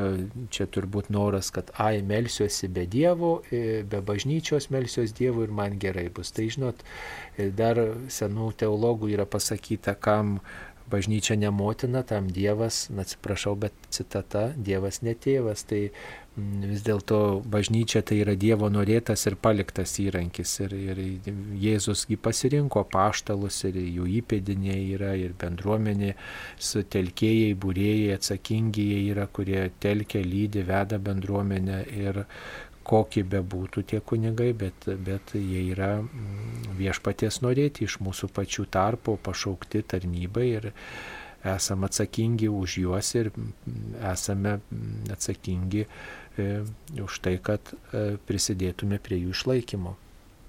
Mums paskambino. Veronika iš Vilnius. Taip, Veronika, klauskite. Veronika, jūs. Garbėjai Jėzų Kristui. Per amžius. Noriu, turiu du klausimukus. Taip, klauskite. Dabar reiškia, e, šitoj savaitėje buvo rašyta, nežinau, tik tai ar 14, ar 15 e, nu, numeryje apie toksiškus žmonės, kad reikia, ten rašė e, psichiatras Gūdas, kad reikia juos pažinti ir nuo jų bėgti. Ka, kokie dabar tie žmonės? Ir antras klausimas, kad turiu katalikų kalendorių 1989 metų ir ten rašo, kad 1661 metais įsijungė Jeruzalės visas stotis ir pirmas ir paskirtas 20 vyskupas Jurgis Balazaras. Tai va, aš norėčiau tuos klausimus. O dabar apie tą žmogų, žinokit, sako bėgti. O, o pas mane ant, ant viršaus yra, kuris man viską daro, galbūt irgi toksiškas žmogus. O apie Jurgį Belazarą, ką jūs norėjot paklausti? Norėjau paklausti, kad jis, kad jis įkūrė e, kalvarijų stotis. Nu tai gerai įkūrė, o ką, ką jūs norit paklausti? Tikrai įkūrė. Tikrai, tikrai. Klausiau, Tikrai, tikrai įkūrė, tikrai įkūrė ir o, tiesiog na, norėjo, kad kryžiaus kelio stotis, taip kaip Jeruzalėje jos gerbiamos, būtų gerbiamos ir Lietuvoje, taigi susijęta su sėkminėmis ir taip pat jos ir Lietuvoje e, veikia Žemaitijoje ir taip pat e, e, Vilniaus kalvarijose ir taip pat yra dar garsios kryžiaus kelio stotis Vepriuose. Vepriuose prie netoli Jonavos. Taip, tai dabar apie toksiškus žmonės, ką galim pasakyti.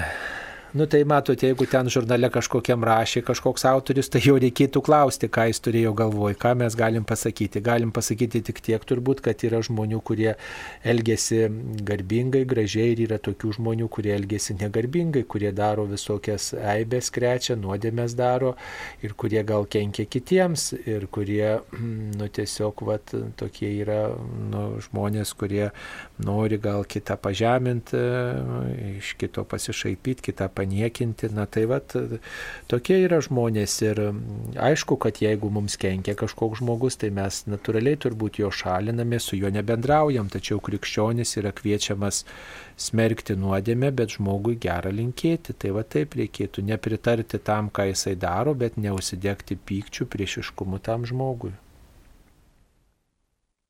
Kunigė, dar pridėsit ką nors? Kad turbūt viską, taip, viską pasakėte. Taip, kaip melstis garsiai e, bažnyčioje užmirusius. E, nu tai rožinį meldžiamės, e, čia ir teiraujasi rožinį, kaip kalbėti užmirusius. Tai, e, na va, čia toks pasiūlymas kaip tik yra, kad e, pasakome mm, e, dešimt paslapčių, paskui garbė dešimt sveika Marijų, po to pasakome garbė Dievui, jam žinai atilsi ar be garbė Dievui. Nu, žinot, svarbiausia turbūt įvardinti pradžioje tą intenciją, mūsų maldų pradžioje pasakyti dabar šitą maldą mes skiriame už mūsų mirusius artimuosius, galima ir vardus išvardinti, už ką mes norime melstis, arba už giminės, e, ar už visą giminę, vieną kitą giminę paminėti. Tiesiog vat, toks iškalbingas mums įvardinimas padeda tiesiog tą intenciją turėti ir melstis įprastai. Aišku, galima pridėti ir amžiną atilsį po kiekvienų dešimt sveika Marijų. Na, galima ir garbė Dievui sukalbėti. Čia nėra kažkaip nustatyta, turbūt egzistuoja skirtingos tradicijos. E, patarėme įprastai melstis, tik tai pridėti, galima ir rožinio visoji pabaigoje pridėti viešpaties angelų maldą arba amžiną atilsį sukalbėti. Tai čia jau kaip pasirinksite. Svarbiausia, kad jūs turite intenciją maldą lydėti tuos, kurie iškeliavo pirmą mūsų. Dabar padarykime pertrauką.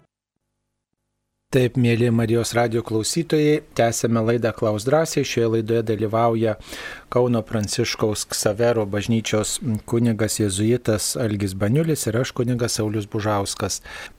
Ir turime klausimą, kuris užduotas trumpojoje žinutėje. Ar žmogus užsiminėjantis ateities ir praeities spėjimu veidoti yra palaikantis ryšius su dvasiomis? Nors sako, kad kontaktuoja su gerosiomis dvasiomis, gali pakengti kitam, užsiundyti piktąją dvasę, užkalbėti, paveikti, pakengti kitam žmogui ir jo namams, ar leisti savo vaikus draugauti su tokio žmogaus vaikais. Na tai aišku, kad gali pakengti mums, jeigu mes jeigu mes nesilaikome tik krikščioniško tikėjimo, jeigu mes negyvenam taip, kaip Jėzus moko, jeigu nesimeldžiame, jeigu neinam iš pažinties, nepriimam šventosios komunijos, jeigu pilni esam prietarų patys tiems prietarams atsiveriam, tai aišku ir kitas žmogus, kuris gyvena prietarų ir, ir pasaulį ir, ir palaiko ryšį su piktaja dvasia, aišku, kad gali pakengti, bet jeigu žmogus laikosi tikėjimo ir, ir ir pats nepasirenka blogio, tai tada kiti nieko jam nepadarys, nei užkalbės, nei paveiks kitaip. Tai o ar vaikams leisti draugauti, na tai žinoma, kad vaikai yra taip pat gali būti pažeidžiami, tačiau ir vaikus reikia mokyti vis dėlto krikščioniško tikėjimo kelio ir, ir, ir maldos gyvenimo ir Ir, ir taip pat, kad mm, tie vaikai gyventų taip, kaip viešpats kviečia ir taip, kaip mes esame įpratę. Ar pridėtumėt ką kunigė? Man tai tas pats užsiėminėjimas ateities ir praeities spėjimais. Labai taip nekrikščioniškai skamba tas pats jau E, klausimas arba tas, tas, ta pati veikla. Nes žmogus šiame mes kalbame maldą ir tėvė mūsų, sakom, tiesie tavo valia, todėl mes neturime išgyventi, eiti pas, pas kokius būrėjus, klausinėti, kas manęs laukia.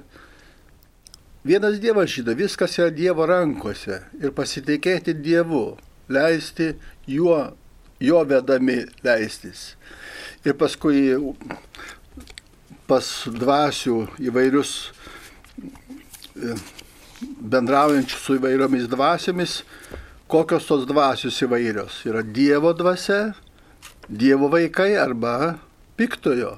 Tai jeigu mes su Dievu kalbamės, tai aišku visada yra skatintina, su, su juo bendrauti ir juo pasitikėti, o visa, visas, visos kitos dvasių šaukimasis visada nežinai, kokios tai dvasios. Tai nebėra Dievo dvasia. Dievo dvasia yra piktojo dvasia, o bendrauti su piktuoju, tako, neik su velniu rešutauti, nes liksi be nieko. Taip ir čia geriau pasitikėti tik Dievu. Taip, kodėl mišių metu smilkomas altorius ir besimeldžiantis bažnyčioje?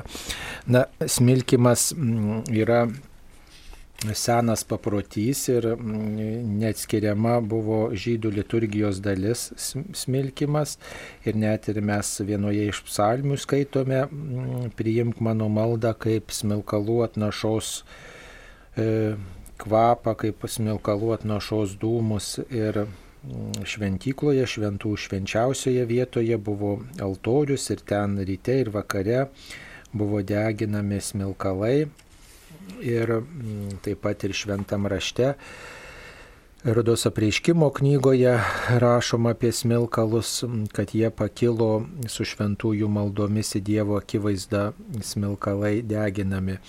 Tai yra maldos e, įvaizdis, kaip kyla smilkalai į dangų, taip mūsų maldos eina, toliau smilkalai turi tokią apvalomąją prasme, nes tas dūmas apvalo ir taip pat kvapnus tiesiog padeda mūsų uos, uosliai taip pat įsijungti į Dievo garbinimą ir taip pat mus kreipia į Dievą. Tai išreiškia ir apvalymą, kai smilkomas altorius, ir atnašos, ir žmonės, ir taip pat tai pabrėžiama, kad visa tai pavedama Dievui. Ir altorius, ir atnašos, ir besimeldžiantys žmonės pavedami didesniai Dievo garbei. Mes trokštame nusimesti, nusivalyti visas nuodėmės ir visų savo gyvenimu šlovinti Dievą. Mm, ir savo maldas į viešpatį kelti taip, kaip kyla smilkalai į dangų, taip mūsų maldos į viešpatį tie kyla. Taip galėtume trumpai atsakyti, nebent kunigė, ką nors pridėsit. Tai čia viskas teisingai, tik tai tiek tą pati kilmė smilkalų, tai mes turbūt galime prisiminti labai senus laikus, kai nebuvo automobilių, buvo arkliai, gatvelės, kas buvote Italijoje arba e, toj, tose senose, senose e, Pompėjai, pavyzdžiui, tose gatvelėse, kur siauros, ir ten važiuodavo, pravažiuodavo arkliai arba karietos ir, ir visada būdavo smilkoma, dėl to, kad tas arklių kvapas būdavo labai aštrus. Ir iš tikrųjų iš to paskui tas smilkalai apvalo ir padaro tą orą iš tikrųjų kvapnesnį, malonesnį, kvepuoti gali. Tai ta, ta prasme, reiškia, ta, su, sudvasinus tos dalykus arba perkelus į, į bažnytinį gyvenimą, irgi tos pačios yra intencijos, aiškiai, apvalyti, e, kaip kalbėjo ir jie kyla gražiai ir simbolizuoja mūsų dvasios pakelimą, mūsų minčių, mūsų maldų pakelimą prie Dievo. Kokia mūsų minčių pozicija turėtų būti melžiantis už mirusį ar gyvą žmogų, ar galvoti apie tą objektą ir jungti maldas, ar tai nėra skirtumo. Na, melžiantis geriausiai galvoti apie viešpatį. Melžiantis, pavyzdžiui, rožinį yra gera e, tiesiog prisiminti tą slėpinį, kurį apmastome, tiesiog savo vaizduotę, savo jausmus, savo atmintį e, kreipti į tą slėpinį e, kuris yra įvardintas. Va. O intencija, ar mes melžiamės už gyvą ar mirusį žmogų, tai yra įsakoma maldos pradžioje, maldos pradžioje tiesiog pavedam tą maldą ir tada jau mes, mūsų mintis krypsta į viešpatį. Viešpatį, aš tau pavedu tą žmogų ir tu esi svarbiausias ir tavo išmintis, tavo valia, tavo meilė, tegul to žmogaus gyvenime veikia. Ar jis būtų miręs, ar jis būtų gyvas, viešpatė tavo apsauga, tavo pagalba jį te lydi ir te veda. Tai galvoti ne tik, ne tiek apie savo reikalą, bet apie Dievą maldoje turbūt būtų svarbiausia. Taip, turėjau du persileidimus, kaip turėčiau prisiminti tuos savo negimusius vaikelius ir ar aš egzistuoju jiems, ar aš esu jų mama.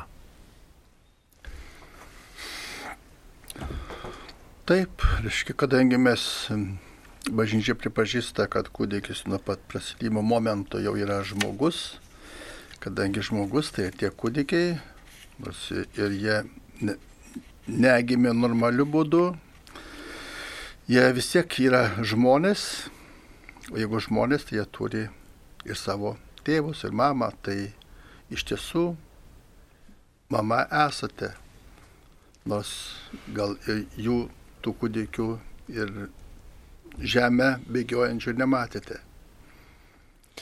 Taip ir jūs jiems egzistuojate, matot, ryšiai tarp žmonių jie yra ne, nepriepiami protu. Ir mm, kartais atrodo, kad niekas nematė, kokį, kokią nuodėmę padariau, arba niekas nežino, ką aš išgyvenu bet mm, ryšiai yra ir, ir žmonės tikrai mm, susiję esame vieni su kitais, ką jau kalbėti e, apie tuos kraujo ryšius ir apie mūsų dvasinius ryšius. Tai kada nors tai mums paaiškės, bet net ir dabar mokslininkai yra mm, taip jau paskaičiavę, kad mes esam tokiam tinkle. Ir dabar neprisimenu tikslių skaičių, tačiau man atrodo, kad bent su dešimčia žmonių tai kaip minimum esu susijęs, reiškia, savo aplinkoj, nesvarbu, net jeigu jie apie mane nieko nežino, reiškia, yra tam tikri, tam tikri mūsų ryšiai, nu, jeigu žmogus daro vieną, tai nereiškia, kad tai jį liečia, tik susijęs su juo pačiu, tai susiję ir su kitais kažkaip ir kitus žmonės veikia. Mm, jau vien tik tai, pavyzdžiui, su kokia nuotaika, ateinu į darbą, su kokia nuotaika grįžtu namo, turbūt artimieji tai kažkaip jaučia, mums turbūt toks suprantamas dalykas. Mm, tai ir, ir yra kiti dar mūsų bendravimo, mūsų elgesio aspektai, kurie, e, kurie vis dėlto veikia kitus žmonės. Tai Tai tikrai jūs esat mama, turėjot vaikelius ir mm, žmogus nuo jo prasidėjimo momento yra žmogus ir nesvarbu, net jeigu ir jis negimė, jis vis tiek yra žmogus ir jis mm, viešpatės karalystėje. Tai melskitės už tuos iškeliavusius ir už tas mamas, kurios panašioje situacijoje yra šiandien, kaip jūs kadaise buvote. Taip, dar toks klausimas yra užsienyje teko prižiūrėti močiutę, Rusija laikė jį parsivežto liurdo vandens. Aš panorau atsigerti slapta, bet nedrįsau. Turbūt reikia pačiai nuvykti į liurdą ir jo parsivežti. Ar būtų buvus kokia šventvagystė ar nuodėmė, jei būčiau atsigėrus slapta, nors galėjau ir paprašyti šeimininkės to vandens. Na tai turbūt nėra skirtumo, ar ten, ar ten e, tiesiog yra e, tas vanduo iš liurdo ar iš kažkur kitur kažkoks daiktas saugomas, kad pavyzdžiui, jeigu ir kompotas, ko raugienė kokia, aš vis tiek turėčiau atsiklausti šeimininko, ar galiu pas, pas, pas paragauti, atsigerti, pasinaudoti, nes kitaip tai būtų vagystė. Tai ir čia aišku, kad negalima imti to, kas man nepriklauso, tokia bendra taisyklė yra. O žinoma, jeigu galėsite į liurdą nuvykti, tai tikrai būtų verta.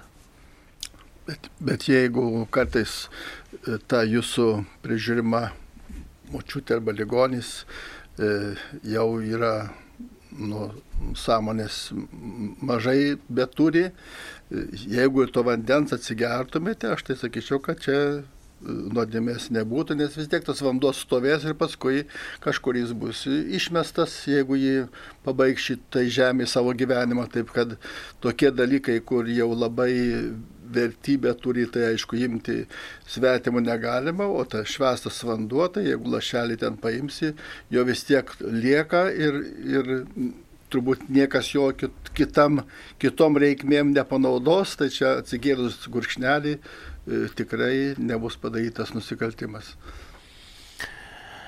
Na, pagrindinis žmonijos blogis tai yra dauginimasis ir palaikymas per merginas, kurios yra netikinčios. Juk per netikinčius žmo, motinas, netikinčias motinas, bet Dievė šitonas labiausiai veikia. Tiesą sakykit. Nu, tai šitonas veikia ne tik tai per netikinčias e, motinas, bet ir per netikinčius tėvus turbūt lygiai taip pat. Tai tą reikia e, tiesiog žinoti ir čia su lytimi e, nieko bendra nėra. Čia susijęs su žmogaus laisva valia. Ar geriau, a, taip mums dabar paskambino.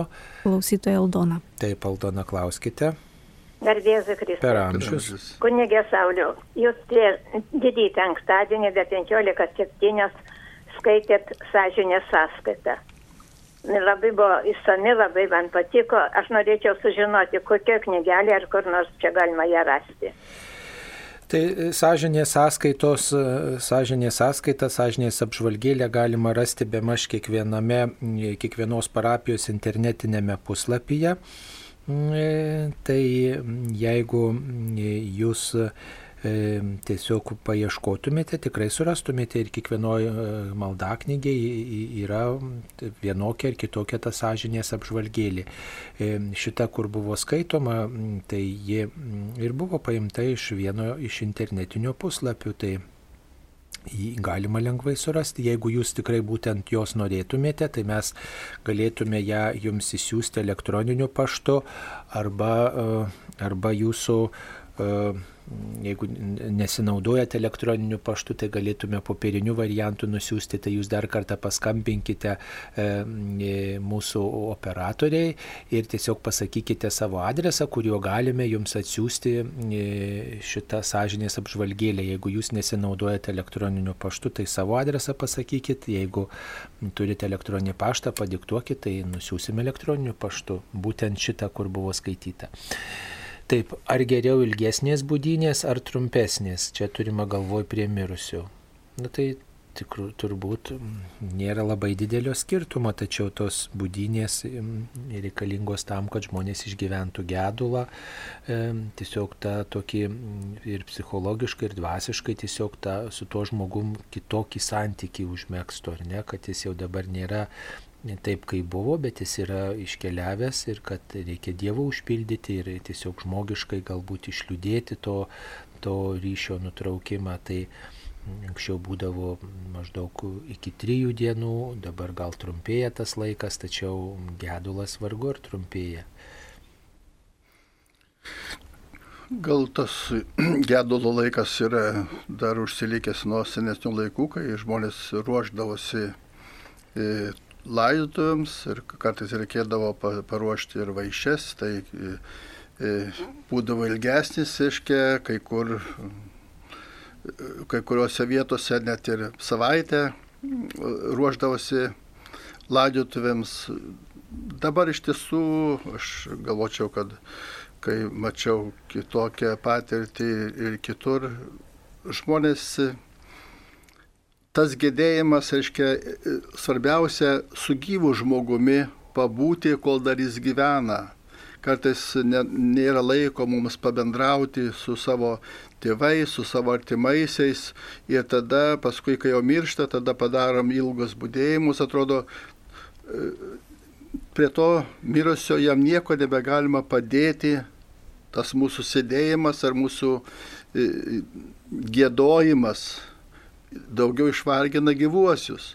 Todėl tas atsisveikinimas, aš sakyčiau, nieko prieš tikėjimą nėra, jeigu jis yra ir trumpas, ypatingai kai, kai būna COVID e, situacijoje, pandemijos laiku, kai labai trumpai kartais net tiesiogiai iš šarvojim, iš, iš ligoninės, aišku, iš kitur, tiesiog vežama į kapines ir nesijausti, kad tai buvo padaryta kažkokia tai jam žala ar skriauda, arba tau pačiam vis tiek mes bendraukime daugiau su gyvaisiais, o mirusius prisiminkime maldose ir lydėkime juos. Pakilėjimo metu kokias maldelės geriausiai kalbėti, kai pakelta ostija ir taurė, ar po to reikia persižegnoti? žegnojimasis yra pradžioj mišių ir, ir po mišių. Ir todėl tie visi žegnojimasi kartais ir priimat komuniją, prieš komuniją ar po komunijos yra jau, jau e, pertekliniai. Aš sakyčiau, užtenka, kiek, kiek jau mes pradėdami kokį darbą ir, ar baigdami. Ir Nu, pakilėjimo metu tai e, tiesiog geriausiai gal e, tiesiog žiūrėti į ostiją, pirmiausia žiūrėti į taurę, į ostiją ir tada kaip mes esame išmokę. Mm, e, yra tokia sena tradicija, kai iškeliama ostija, sakyti mano viešpats, mano Dievas, o kai taurė iškeliama, garbinkime švenčiausiai sakramentą.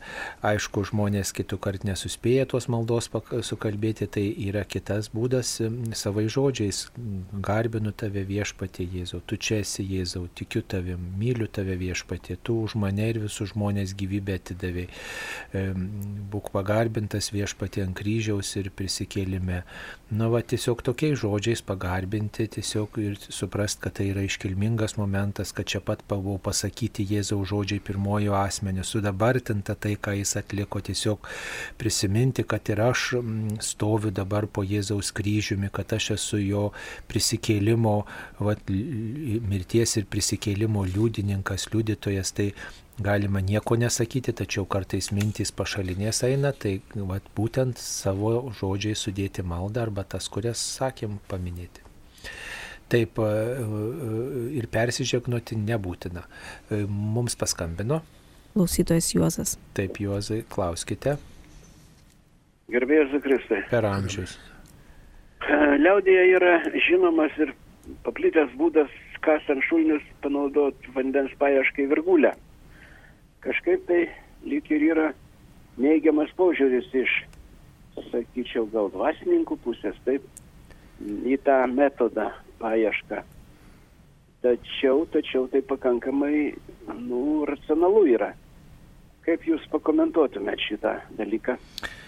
Čia autoritetingiausiai galėtų pasakyti kunigas Valkauskas. E, ir kitas, bet kuris kitas egzorcistas turbūt į šitų virgulių naudojimą. Na tai žinoma, kad tai dažnai, jeigu tik tai vandenio paieškoms būtų naudojama, tai yra viena, toliau kas, naudo, kas vartoja šitas virgulės, kaip tas žmogus elgesi kito, e, nu kaip čia pasakyti, kitom, kitom aplinkybėm, ne, ar jisai yra praktikuojantis, ar jisai ne, tai va matot, iš tokių daugelio dalykų ir susideda.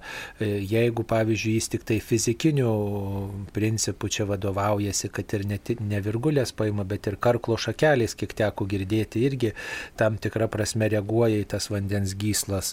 E, tai čia yra senovės išmintis ir ta, jeigu tik tai fizika, tame nėra nieko blogo, jeigu tik tai fizika, bet dažnai šalia tos fizikos įsiterpia ir kiti dalykai, kurie parodo, kad žmogus nėra, nėra tik tai fizikinių paslapčių naudotojas, bet kuris reiškia įterpia ir tam tikras galės, energijas, dvasinės praktikas ir, ir nepraktikuoja maldos, neturi ryšio su Dievu, nešvenčia sakramentų, ne, nėra praktikuojantis katalikas, kitaip sakant. Ir vat nuo čia ir prasideda atvirumas, atvirumas piktai dvasiai tiesiai šviesiai reikia pasakyti. Tai va ir, ir, ir ir tiek žinių, tai reikia labai su tuo atsargiai elgtis ir mm, tiesiog labai būti sąžiningiems savo širdį ir, ir, ir vis dėlto nežaist su piktosiomis dvasiomis. Taip, dar viena žinutė atėjo, dažnai girdime, kad kunigai neturi laiko, kokia kunigo diena, visa diena nebūna bažnyčioje, jums prie statybų laiko nėra, su pagarbantanas kunigai neturi laiko, kokia kunigo diena. Nu, va, kunigė, pasakykit, kokia jūsų diena, ką veikėt per dieną. Turbūt kunigas e, yra, turi ir, ir dvasinių savo užduočių, kad kaip kunigas, jeigu nebėra laiko pabūti su Dievu, tai iš tikrųjų išsikvėpia kunigas tampa tik tai amatininkas, tai vienas dalykas reikalinga laiko skirti ir maldai, kitas dalykas yra, visi turi dar ir kitų reikalų arba darbų, užduočių. Yra ir dirba mokyklose, kas universitetuose, kiti mm, lanko, reikia lankyti ligonius, reiškia, ir savaitgaliais santokos, krikštai. E, taip, kad, reiškia, ta diena atrodo, nėra tokių darbų, kaip nuėjus į kokį nors ofisą, kur tu turi prasidėti ten užsiemęs visą laiką kažkokiu tai vienu darbu. Čia tas darbas yra toks nenuspėjamas, nes kiekvieną laiką reikia būti atviram, nes kiekvieną valandą gali arba kiekvieną minutę gali pasikeisti ir, ir kiti reikalai. Taip kad to laiko, nežinau, kai, kiek jau aš prakunigavau, tai žinau, kad nebūdavo kada pavalgyti normaliai, nes visada būdavo kelios, keli, kelios tarnystės.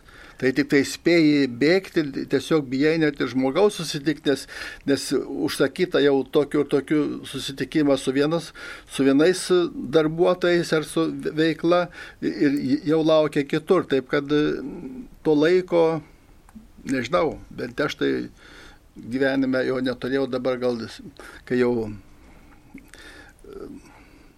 karantinas trupučiuką gal daugiau laiko yra. Nu, tai aišku, čia turbūt skirtingų kunigų skirtinga diena yra. Turbūt, tai reiškia. yra skirtingi įsipareigojimai.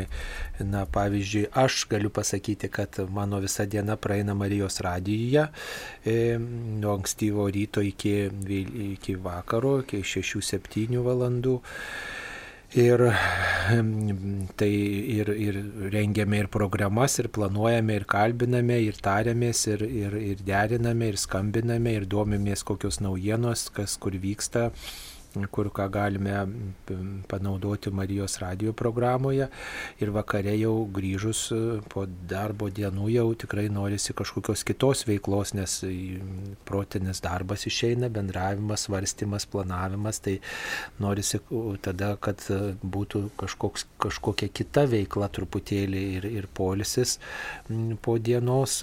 Tai ir taip kiekvieną dieną, tai niekada neatsisakau, mm, e, jeigu kas kreipiasi pokalbį, jeigu kas ateina e, ir norisi pabendrauti ir atlikti išpažinti visokių atvejų, tai tikrai nesu pasakęs, kad neturiu laiko, dink iš akių, ieško kito kunigo, jeigu tik matau, kad galiu patarnauti, visada bandau surasti laiką, susitarėm, suplanuojam ir mm, tikrai stengiuosi mm, nu, skirti laiko žmogui, jeigu jis į mane kreipiasi. Niekada neatsisakau, jeigu kas kur nors kviečia ar, ar, ar kažkaip mm, kreipiasi, bandau suspėti. Tiesiog taip. O kito kunigo turbūt irgi reikia klausti, kaip jisai mm, tą dieną praleidžia. Tai žinot, yra ir ruošimasis, e, e, ir pamokslam ruošiasi, ir, ir kažkokia, kažkokiam pranešimui, ir kažkokiai katechezai, tai žinot, reikia ir paskaityti, ir domėtis, nu, tai tas viskas užima laiko. Tai e, aišku, kad kunigai statybose gal ir neturėtų panirti, turėtų tuo rūpintis pasauliečiai, bent mano tokia nuomonė. Kunigas pašventintas tam, kad būtų sielovadininkas, tam, kad padėtų žmonėms, kad teiktų sakramentus, žmonių tarnyboje atliktų. Mm, Tačiau mm, tos statybos e, kartais ir užgrūna kunigus, tai gal čia ir į viskupų daržą e, akmenėlis, kad statyti turėtų tie, kurie turi tam pašaukimą, įsilavinimą, žinias, o, o, o kunigui nereikėtų turbūt tuo e, į tai skirti visos energijos. Tai nežinau, turbūt Amerikoje taip nėra arba kitose šalyse. Ten atlieka tie žmonės, kurie tikrai toj srity specializuojasi. Taigi klauskit kiekvieno kunigo, kokia yra jo diena ir sužinosite. Dabar mums paskambino. Klausytoja Birutė. Tai birute klauskite. Labai noriu paklausti jūsų, anksčiau klausiau, ne, bet negavau atsakymo ir noriu sužinoti, e, kadangi mūsų yra antra santoka ir mes norim, kad ši, aš nu- labai norėjau paimti šliubą, o jų giminė yra visa netikinti ir jie atkalbėjo nuo, nuo, nuo šliubo. Man yra labai skaudu, aš negaliu eiti iš pažinties, aš negaliu nieko. Ir jisai dabar kiekvieną kartą, kada mes neteinam mėgoti, jisai man sako, kad tave velnis atimtų. Gal jam reikia egzorcistų, aš nežinau, ką daryti man. Aš visą laiką tikėjau ir tikiu. Ir aš jam pasakiau, kad be, be, be, be Dievo santokos aš negyvensiu.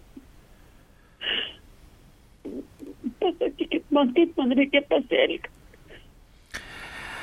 Na kaip jums reikia pasielgti? Na tai pirmiausia reikia ne su giminė kalbėtis, o su pačiu žmogumi, ką jisai masto, kaip jisai svarsto, mm, pasikalbėti su pačiu žmogumi ir jeigu ten velnių grasina ir, ir blogai kalba, na tai ar jis tą rimtai daro, kodėl jis taip daro, kodėl jis taip elgesi, na ir kiek tai tęsiasi, ar tai visą laiką buvo. Ir jeigu žmogus taip, taip su jumis bendrauja, tai svarstykit, ar, ar tikrai tas žmogus yra tas, su kuriuo norėtumėt leisti savo gyvenimą, jeigu jis linki jums pikto, jeigu jis priešiškai nusiteikęs, tai svarstyti, ar tikrai tas žmogus, su kuriuo verta gyventi. Tai apie tai klausimas būtų, o šiaip tai žmonės paprastai tuokėsi, jeigu net ir antrą santoką patys tam apsispręsdami, patys pasirinkdami ir tik tai tuo atveju, jeigu pirmoji santoka pripažinta negaliojančia. E, turi bažnytinio tribunolo būti ištarmė apie pirmosios santokos e, padėtį. Jeigu ta pirmoji santoka negaliojanti, tik tai tokiu atveju galima priimti santokos sakramentą. Na va, jeigu neįmanoma to padaryti, o jūs norit su tuo žmogum gyventi, na tai belieka gyventi kaip brolis ir sesuo. Va, ir ypatingai jeigu tas žmogus dar priešiškai kažkaip nusiteikęs, jeigu jums pikto linki, tai mm, tikrai, žinot, tas bendravimas ir yra toksai labai komplikuotas. Kunigė kažką dar pridėtumėt gal?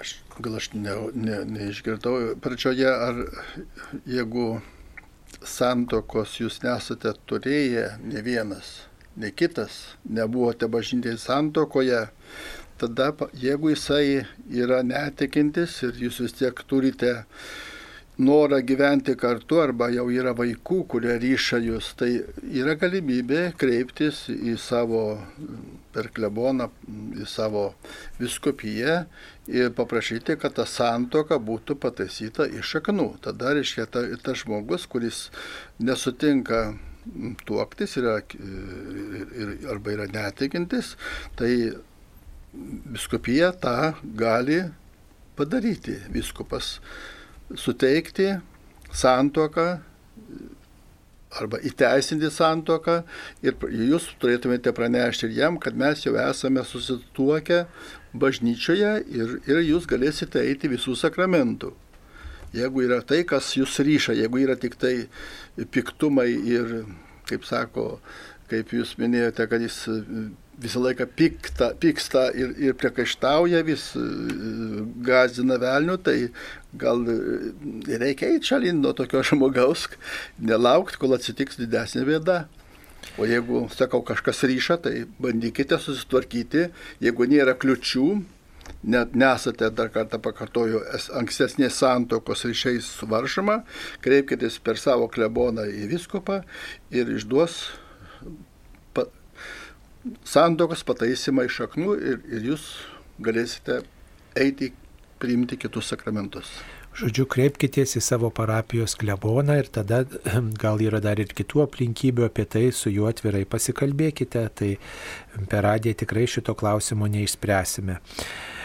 E, ir paskutinis klausimas šioje laidoje, ar reikėtų žegnotis per šventasias mišes, kai arkivyskupas laimina po Evangelijos su šventuoju raštu ir daro kryžiaus ženklą. Taip, reikia žegnotis, kai e, arkivyskupas mus laimina e, šventąją Evangeliją. Ir taip pat mes tris mažus kryželius darome tuo met, kai kviečiame, kviečia mus pasiklausyti diakonas, kunigas ar vyskupas Evangelijos skaitinio. Tada trimis mažais kryžiaus ženkleliai ženklinam savo kaktą, lūpas ir krūtinę. Tokie trys maži kryž, kryžiukai nubrėžiami. Tai tiek būtų šioje laidoje.